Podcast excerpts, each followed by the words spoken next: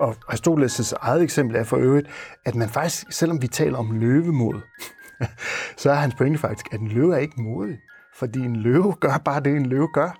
Så der er et eller andet med, altså det, det kan man sige, det, den, den, har, den kan egentlig ikke gøre så meget andet, men det kan vi mennesker, og det er lige præcis den frygt, vi bliver konfronteret med, når der dukker flere forskellige muligheder op, som vi skal vælge imellem, og hvor noget af det er frygtfremkaldende. Men vi gør det alligevel. Vi gør det faktisk alligevel. Det er modet. Det er anden søndag i advent, og i dag skal vi tale om dyden mod.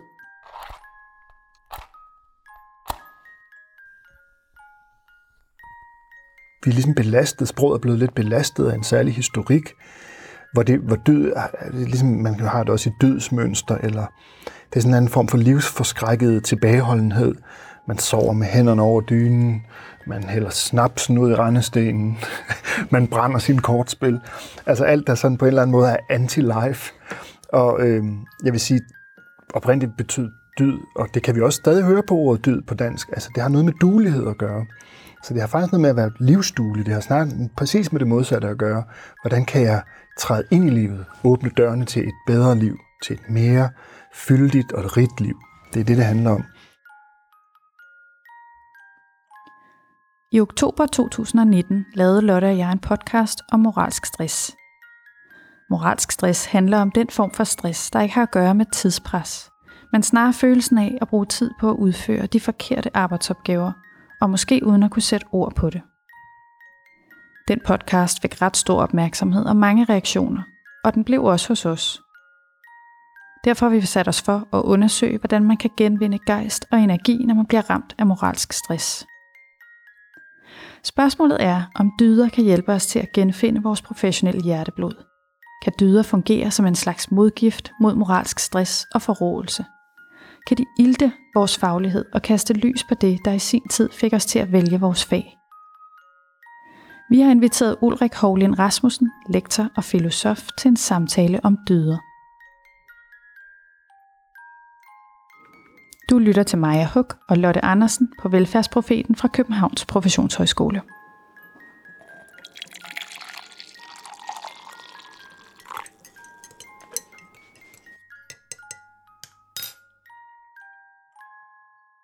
Velkommen til, Ulrik.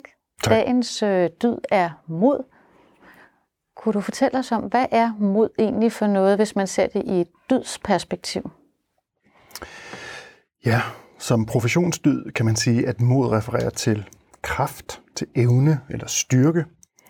En styrke, der sætter os i stand til at konfrontere det frygtsomme, eller det, der vækker frygt i os på en utøvende og tillidsfuld måde. Man kan også sige, at mod er forbundet med øh, villigheden til at løbe en risiko. En risiko for at tage fejl og indlade sig på det ukendte. Det vil sige det, som på en eller anden måde befinder sig sådan lidt på kanten af vores professions faglige fortrolighedshorisont. og øh, ja, hvis man kigger sådan sproghistorisk, etymologisk på det, så har mod faktisk forbindelser til det engelske ord mood, som vi jo på dansk og tysk har som gemyt. Og det betegner oprindeligt sådan hele menneskets sjælekraft. Så det er på en eller anden måde sådan en slags, med et godt dansk ord, soul power. Så det er en stor ting.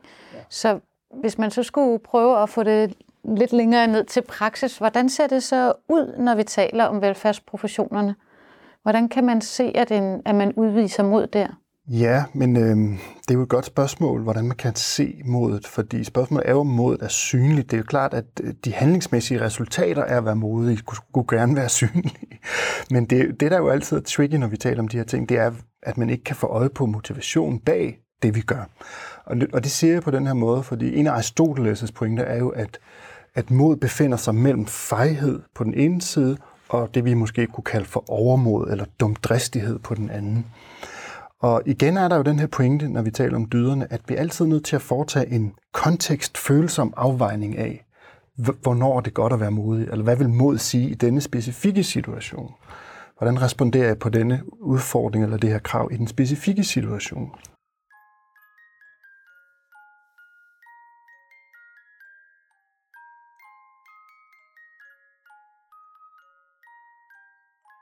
Der er klart nogle, nogle træk ved modet, som, som kunne være interessante at lægge frem. Altså for eksempel kan man sige, at mod har at gøre med evnen til at øh, tænke selv. Så det vil sige, at man ligesom er har mod til at stå på mål for sine egne beslutninger. Den tyske filosof Kant taler om, at oplysning og myndighed, som vores, øh, som vores rektor jo også har forelsket sig lidt i, myndighedsbegrebet, rent faktisk handler om, om den her mod til at tænke selv. Og det vil for ham også sige, at man ligesom stiller øh, rollatoren fra sig. Han taler på tysk om en gængelvarken. Det er sådan et støttestativ, som han læner sig ind i andres meninger og synspunkter, i stedet for at tale øh, på sin egen vegne på en måde. En af de velfærdshelte, vi præsenterer i den her uge, han taler også om, at øh, mod kan også være noget med at, at engagere sig i borgernes drømme. Altså selvom man ved, at de måske ikke helt er realistiske, og så ture og gå med dem, og også på den måde bringe mod ind hos dem, man skal samarbejde med. Ja, ja men det synes jeg da også er rigtigt at sige. Man kan sige, at man er indstifter af, af mod til at fastholde kærligheden til livet øh, selvom der er, måske er dunkle udsigter, og selvom det, så det, det, det vil jeg da sige, at mod også har at gøre med øh, den her kraft eller styrke til at elske livet, på trods af, at det nogle gange ser vanskeligt ud. Altså, så det bliver næsten som til en slags øh, appel om, at vi skal, vi, vi skal vedblive og holde, holde modet oppe, som vi også siger. Men når du taler om det, så får jeg også indtryk af det her med, at det at man er modig, hvis man er det øh, drevet af en indre stemme. Kan man ikke være modig, hvis man er forkæmper for en borgers øh, øh, håbe og drømme, håb og drømme, eller for de øh, idealer, organisationen stiller op? Jo, naturligvis. Det kan man. Og igen, det er derfor, det er så vigtigt, og det gælder jo selvfølgelig, og det, det kan måske virke lidt skuffende for lytteren, men det, at vi altid er nødt til at vende tilbage til det her med, at det er svært at tale om død sådan fuldstændig løsrevet fra det kontekstuelle. Øhm, den tyske filosof Hegel har en, en fabelagtig anekdote om en mand, der blev bedt om, han er hos lægen, og så blev han bedt om at spise noget mere frugt. Og så går han så til torvet, og øh, frugthandleren spørger meget øh, naturligt for en frugthandler, hvad han kunne tænke sig, om han ønsker bananer, pærer, æbler eller kirsebær. Vi har noget liggende her på bordet foran os, skal jeg se. Øh, og hvor til han så svarer, øh, nej, nej, det, ingen af den slags ting skulle han have, han vil bare have frugt. For det var det, han har fået besked på. Øh, og det er lidt for ligesom at vise det her med, at når vi taler om det sådan abstrakt og løsrevet fra sine konkrete udtryk, så bliver det meget hurtigt vanskeligt at sige noget mere præcist om det. Men samtidig er det jo selvfølgelig det, der er opgaven. Jo, man kan godt være modig på institutioners vegne, på andre menneskers vegne, det vil jeg mene. Øh, det kræver, det kræver det, det, der er en afgørende komponent imod, det er, at der er et eller andet element af frygt. Det vil sige, det er ikke fuldstændig det totale fravær af frygt. Der er et element af et eller andet, der, der, som er frygtfremkaldende, og så vælger man at konfrontere det desuagtet eller alligevel. Det vil sige, at næsten sådan en slags leksikalsk definition på, hvad mod må være. Og det er faktisk også Aristoteles pointe, at vi har ikke mod og frygt som to adskilte størrelser, men de to, de, de kollaborerer på en eller anden måde i modet.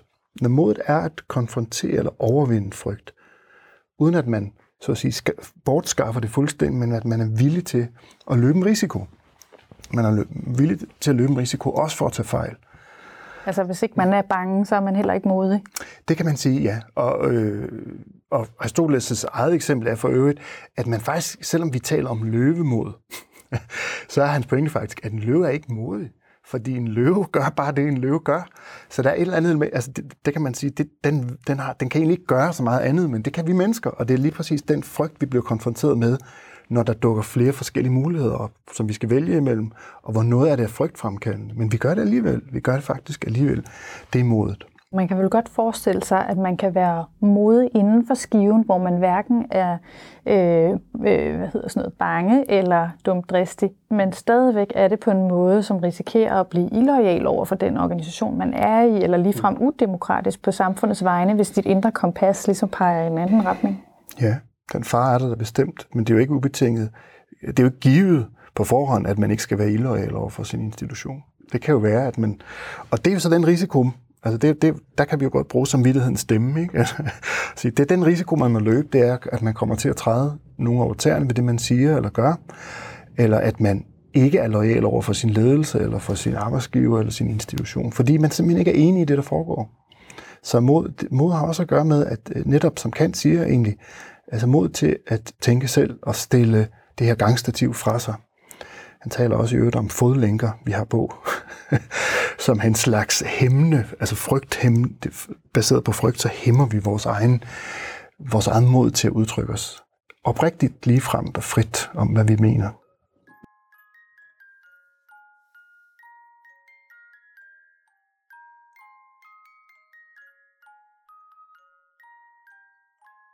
Du har et par gange nævnt øh, det her med, at man også skal have mod til at begå fejl, og man taler også nogle gange om det her med, at man kan ikke lave en omelet uden at slå æg i stykker eller sådan. Og vi ved jo godt, at man ikke kan udvikle sig uden at lave fejl, men velfærdsprofessionerne, de står jo ofte med mennesker i sårbare situationer, så øh, som mor vil jeg meget gerne have, at pædagogerne ikke glemmer mit barn ude i børnehaven og tager fejl på den måde, eller de ikke tager fejl, når de skal passe min øh, syge mor på hospitalet. Så hvad er fejlmagen, og hvordan øh, kan man få mod til at udvikle sig uden at lave graverende fejl? Ja, det er et godt spørgsmål. Og jeg vil sige, mm, altså en af de ting, som jeg selv øh, lægger mere og mere mærke til foregår i vores samfund, det er jo, at vi, vi, ud, vi, vi prøver at uddanne studerende ud fra en 12-trins skala, karakterskala, hvor, hvor, hvor man ligesom har fjernet alt mod. Man har ligesom udvisket alt mod, fordi nu handler det om at leve op til nogle på forhånd satte krav og definitioner, og så trækker man egentlig ellers bare fra ud fra sådan en fejlfinder logik. Og det mener jeg altså ikke, vi får modige mennesker af. Det mener jeg rent faktisk er en måde at afmontere selvstændig tænkning på, som kan tale om som en vigtig parameter. Og selvfølgelig jo, altså, øh, hvor meget må man lave fejl? Altså, det, det er vel derfor, vi også har uddannelser, og det er derfor, vi skal øve os og træne os i de her dyder på uddannelserne, så man også på en måde opbygger en fortrolighed med at være bragt ud af fatning, og være bragt i berøring med noget, der er risikofyldt, og så man ikke bare lige kender svaret til på forhånd, eller man har ikke sådan et hjemmebragt læderindbundet svarkatalog med sig under armen, når man går rundt. Øhm, men, men igen, man kan sige, der er, jo, der er jo noget frygt i dit spørgsmål egentlig, ikke? Altså, der er jo noget frygt i, at hvad nu, hvis vi glemmer barnet derude, eller den ældre? Og den slags sker, men den, sker, den slags sker måske også, hvis man ikke, hvis man ikke kultiverer mod under uddannelsen, så, så sandsynligheden for, at det sker, måske større. Det kan se omvendt ud. Jo flere paragrafer vi har, desto flere forordninger og retningslinjer, desto mere sikre må vi være. Men jeg har en snigende fornemmelse af, at det forholder sig omvendt. Jo flere af den slags ting, desto mindre selvstændig tankekraft, og desto mere mod til at gøre det på sin egen måde, og så at sige, øh, bringe sig selv i spil. Men for nogen er der så en risiko for, at øh, modet bliver til dumdristighed, Mm. Ja, igen, der kan vi jo tage Aristoteles, ikke? Altså, det, er jo, det er jo præcis. Og, og der må man jo så sige, at det definitoriske kendetegn ved mod er, at det ikke er blevet til dumdristighed. Så hvis det er det, så er det ikke længere mod. Så det, for ham er det jo det der med at ramme midten mellem to ekstremer, ligesom en bueskytter, der sådan prøver at ramme målskiven, bull, bull's eye, lige midt i, lige midt mellem to ekstremer. Øhm, og igen, det, det kan man jo ikke afgøre øh, løsrevet fra enhver sammenhæng, det her. Det er man nødt til at... Det, det beror på en delikat afvejning. Og vi skal på et tidspunkt også tale om den her visdom, ikke? som en af dyderne. Og jeg vil sige, det er måske den vigtigste af dem alle sammen, for det er den, der kultiverer en, skal vi sige, 360 graders opmærksomhed på, hvad er situationen? Hvad er situationens krav, og hvad er det rigtige at gøre her? Altså dømmekraft, eller hvad vi nu vil kalde det, det kan, det kan vi vende tilbage til. Men... Og nu lyder det lidt, når du taler om mod, som det også handler om et indre lederskab.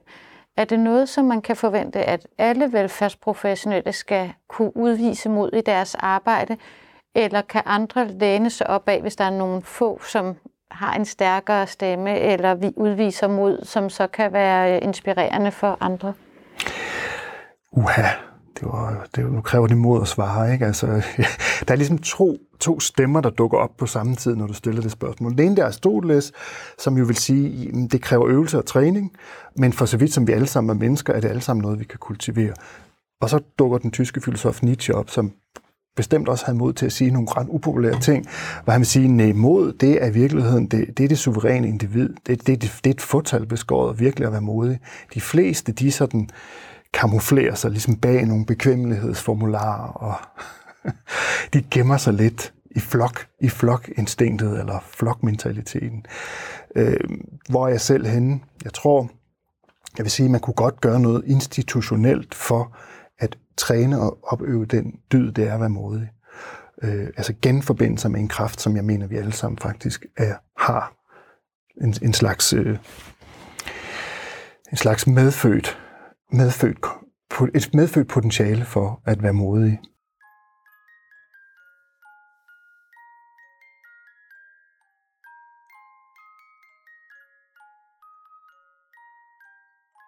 Som leder ville jeg måske godt kunne tænke, at det ville være lidt nemmere, hvis de ikke var så modige eller genstridige, vil jeg måske se det i sådan et mere lederblik. Hvad ville der ske, hvis man ikke var modig som velfærdsprofessionel?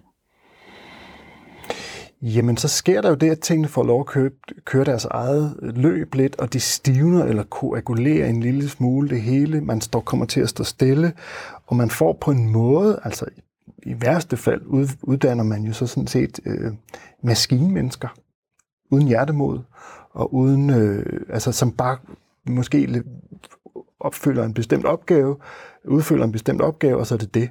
Og jeg vil så selvfølgelig straks sige, at øh, der er jo nogen, blandt andet min gode ven Anders Fogh Jensen, der har peget på, at øh, et af de store problemer nu om dagen, det er, at man faktisk forventer for meget hjerteblod fra medarbejderne. Ikke? Altså man kunne godt vende argumentationsgangen på hovedet og sige, øh, hvorfor skal jeg egentlig personligt være engageret i mit arbejde? Hvorfor kan jeg ikke bare udføre min... Øh, altså lidt ligesom nem idé, så kører lønnen ind på, på samme måde, går jeg på arbejde med den samme, med den samme øh, indstilling, at jeg bare skal levere et bestemt produkt, og så er det det. Når jeg er færdig med det, så går jeg hjem.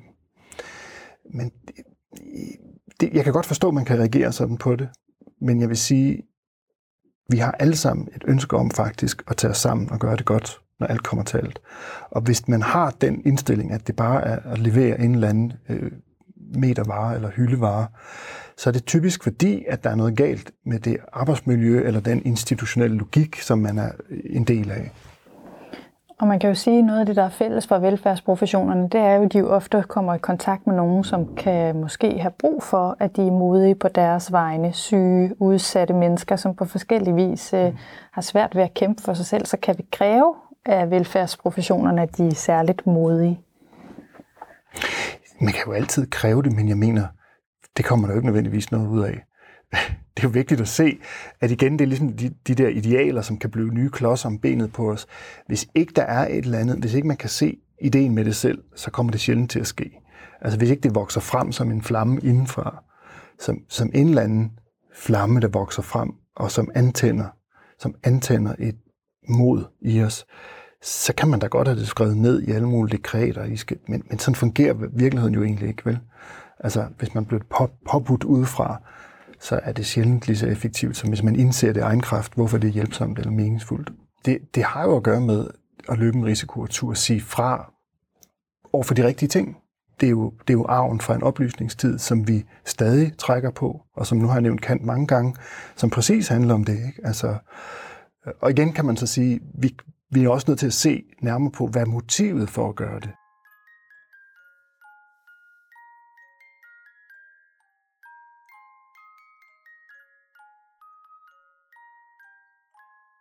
Hvad med tiltag som for eksempel whistleblower-ordninger? Er det også en god måde at prøve at øh, bære mod frem? Ja, det kunne jo også det kunne det måske være, det har jeg ikke tænkt så meget over, man kan sige, det kunne jo også klinge lidt af fejhed, ikke?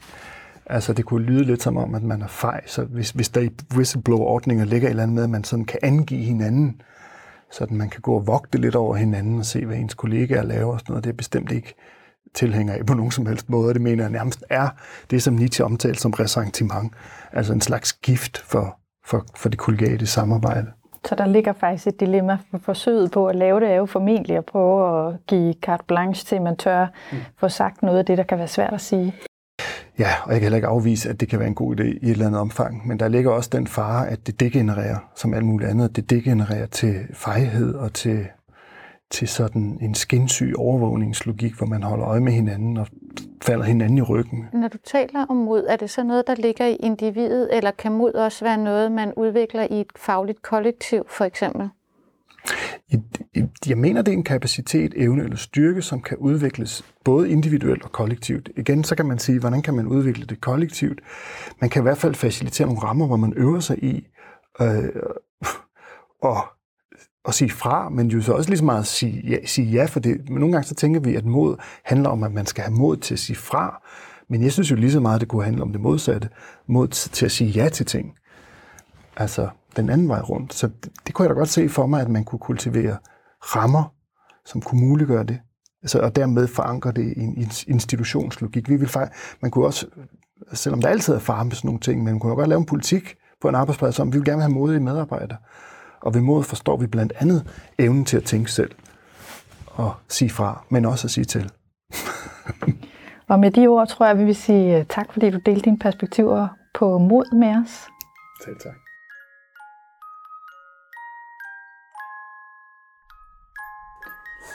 Hvad tænker du egentlig, Maja? Hvor står du på mods vippen? Er du over på den feje ende, eller er du over på den lidt overmodige, kække, brølende løve? Altså, jeg ved ikke. Der har ikke nogen, der har lyst til at blive kaldt for fej. Men øh, jeg tror ikke, jeg er den brølende løve i hvert fald. Altså, så hvis noget, så er jeg nok mere i den anden ende af skalaen. Ikke så meget måske på det der med at sige fra. Jo, det kan også, det kan også godt være svært at sige fra. Øh, men jeg tror, det der er allersværest, synes jeg, det er at sige til. Altså når der er noget, jeg gerne vil have, eller hvor det ligesom kræver, at man råber lidt op, eller stiller sig forrest. Øh, det kræver jo også mod. Det synes jeg er rigtig svært. Så måske ikke så meget fejl, men lidt forsigtig eller tilbageholdende? Ja, det tror jeg, ja. Men når jeg tænker tilbage på øh, de sidste år, så har du jo øh, sat rigtig mange ting i værk, så det undrer mig egentlig lidt, at du siger, at du synes, du er lidt tilbageholdende, for du har jo øh, ja, podcasten her, synes jeg egentlig har krævet mod. Men så har du også været med til at omstille rigtig meget vores fysiske undervisning til fjernundervisning og skulle ud og overbevise underviserne om, at, at det kunne de godt. Og det tænker jeg også kræver lidt mod. Du er jo ikke selv øh, underviser, og så alligevel overbevise dem om, at øh, det er en god idé at gå over til fjernundervisning eller digitale former. Hvordan fandt du det mod? Måske falder mod i små skridt mig nemmere end det store brøl. Altså, ja, det der med ligesom at langsomt tage nogle små skridt, som tilsammen også godt kan gøre en forskel. Det falder mig nok nemmere, men sådan er der måske mange, der har det. Ja, det tænker jeg også. Men ikke alle. Vi har jo nogle rigtig gode eksempler her i den næste uge på velfærdsprofessionelle, der på forskellige vis udviser rigtig stort mod. Det er nemlig rigtigt. Og dem øh, kan I finde inde på Instagram og på Facebook i vores øh, julekalender derinde, hvor vi hver dag i december præsenterer en velfærdshelt fra den virkelige verden. Husk også at finde Velfærdsprofeten på din podcastplatform og abonner, så øh, får du automatisk varsling om, hvornår det næste afsnit kommer.